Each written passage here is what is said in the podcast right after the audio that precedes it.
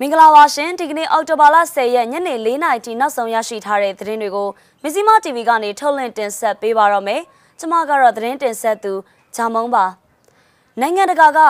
NUG CRPH တို့နဲ့ထိတွေ့ဆက်ဆံပြီးအကြမ်းဖက်ဥပဒေတွေချိုးဖောက်နေကြောင်းစစ်ကောင်စီထုတ်ပြန်လိုက်ပါတယ်။အဆိုတော်စောင်းဦးလိုင်ရဲ့ရန်ပုံငွေဂီတခရီးစဉ်အတွင်းကန်ဒေါ်လာ၄သိန်းကျော်ရရှိထားပါပြီ။မန္တလေးမှာစေအိမ်မှုအိမ်ဘုံပြစ်ခံရလို့တဦးတန်ရာရခဲ့ပါတယ်။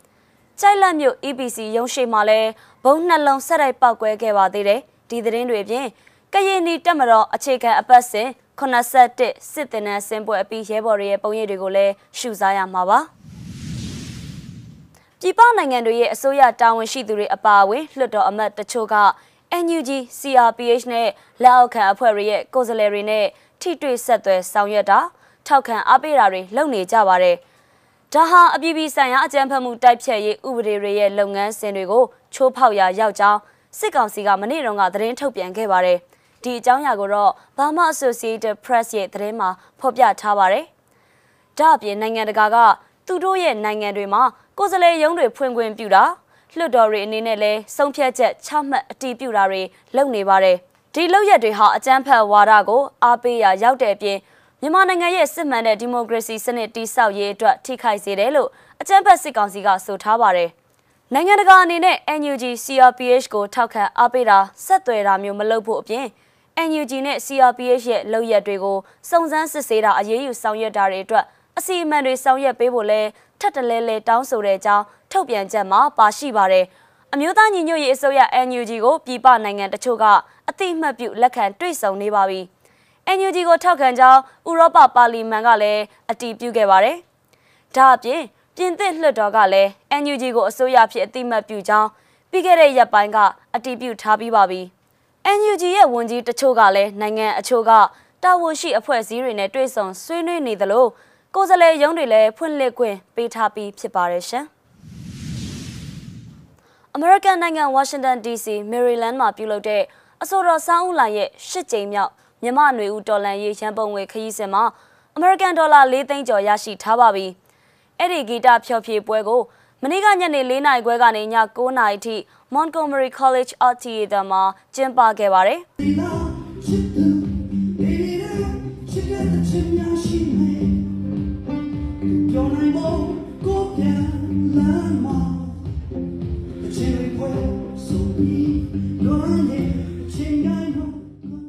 ပွဲဟာ၈ကြိမ်မြောက်ဖြစ်ပြီးမျောလင့်ထားတာထက်ရန်ပုံငွေပိုရတယ်လို့အစောတော်ဆောင်းလိုင်ကပြောပါတယ်မြန်မာပြည်ကမိတ်ဆွေတွေအာတင်ထားပါအစစအရာရာနိုင်သလောက်လိုအပ်သမျှကိုကူညီဖို့အမြဲစူးစမ်းနေပါတယ်လို့လည်းသူကပြောခဲ့ပါသေးတယ်ဂီတဖျော်ဖြေပွဲမှာမြန်မာမုံအစားအစာတွေအေးတွေဖျော်ဖြေပွဲအမှတ်တရပစ္စည်းတွေနဲ့နေဦးတော်လန်ရေးပစ္စည်းတွေကိုရောင်းချပြီးရန်ပုံငွေရှာခဲ့ကြတယ်လို့သိရပါဗျ။အခုရန်ပုံငွေခရီးစဉ်ပွဲကို လူပေါင်း400နီးပါးလာရောက်အားပေးခဲ့ပါတယ်။ကိုဆောင်လိုင်ရဲ့ကေတန်နဲ့နိုင်ငံတော်တိုင်ပင်ခံပုဂ္ဂိုလ်ဒေါအောင်ဆန်းစုကြည်ရဲ့ခက်ပေါ်ပကြီးကား6ကားလေးလံတင်ရောင်းချရာကနေလဲကန်ဒေါ်လာ8000ခွဲလောက်ရခဲ့ပါတယ်။ရန်ပုံငွေအားလုံးကိုတော့မြမနွေဦးတော်လန်ရေးရဲ့ရှေ့တန်းမှာပါဝင်ပြီးတိုက်ပွဲဝင်သူအားလုံးကိုလှူဒန်းသွားမှာပဲဖြစ်ပါတယ်ရှင်။မန္တလေးမြို့ကသတင်းကိုလည်းဆက်ပြောပါမယ်။အာနာသိန်းစစ်ကောင်စီဘက်ကစစ်အိမ်မှုတအုပ်ရဲ့အိမ် မင်းညကဘုံနဲ့တိုက်ခိုက်ခံခဲ့ရပါတယ်။ဒီဖြစ်စဉ်မှာလူတအူထိခိုက်ဒဏ်ရာရသွားပါတယ်။ချမ်းမြသာစီမြို့နယ်ထွန်းတုံးရက်ကွက်ကဆယ်အိမ်မှုဦးမိုးဆွေရဲ့အိမ်ကိုည9နာရီလောက်မှာဆိုင်ကယ်နဲ့လူနှစ်ယောက်ရောက်လာပြီးလက်လုံဘုံနဲ့ပြစ်ပြေးသွားတာဖြစ်ပါတယ်။နေအိမ်မှာရှိနေတဲ့ဆယ်အိမ်မှုရဲ့အတော်ကတော့ဒဏ်ရာရသွားပါတယ်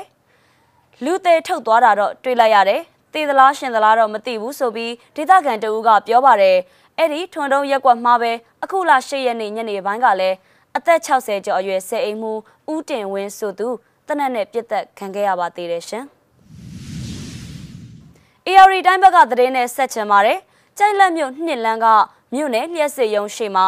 ဒီကနေ့မနက်၈နာရီလောက်ကဘုံနှလုံးဆက်တိုက်ပောက်ကွဲခဲ့ပါတယ်။အဲ့ဒီပောက်ကွဲမှုကိုကြိုက်လက် PDF အဖွဲ့ကလှုပ်ဆောင်ခဲ့တာပါ။လျှက်စစ်မီတာခတွေအတင်းအဓမ္မကောက်ယူနေတဲ့ EPC ရုံးကဝန်ထမ်းတွေကို တတိပေးတဲ့အနေနဲ့ဖောက်ခွဲခဲ့တာလို့ကြိုက်လက် PDF ရဲ့တာဝန်ရှိသူတဦးကပြောပါရယ်နောက်တစ်ခါဆိုတတိပေးတော့မှာမဟုတ်ပဲပြည်သူတွေဘက်ကမရက်တည်ရင်လှုပ်တင်တာကိုလှုပ်ရမှာဖြစ်လို့ဒါဟာနောက်ဆုံးအကြိမ်တတိပေးတာဖြစ်တဲ့အကြောင်းသူကပြောထားပါရယ်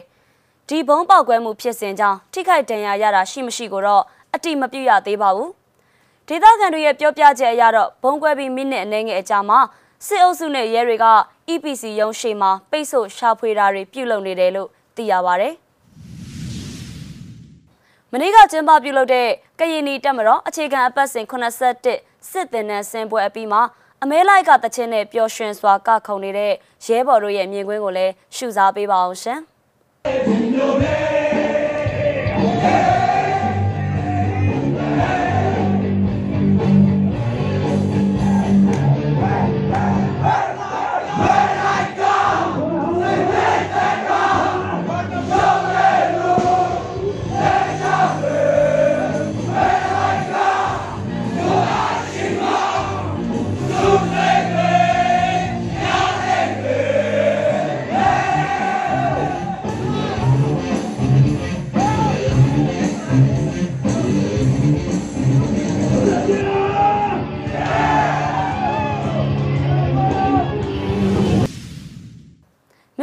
သတင်းတွေကိုနေ့စဉ်စောင့်မျှော်ကြည့်ရှုပေးကြတဲ့အတွက်ကျေးဇူးတင်ပါတယ်။ပြည်သူအလုံးလက်ရှိကြုံတွေ့နေရတဲ့အခက်အခဲဒုက္ခမျိုးမျိုးကနေအမြန်ဆုံးလွန်မြောက်ကြပါစေလို့ဆုတောင်းရင်းနဲ့နှုတ်ဆက်ပါရစေရှင်။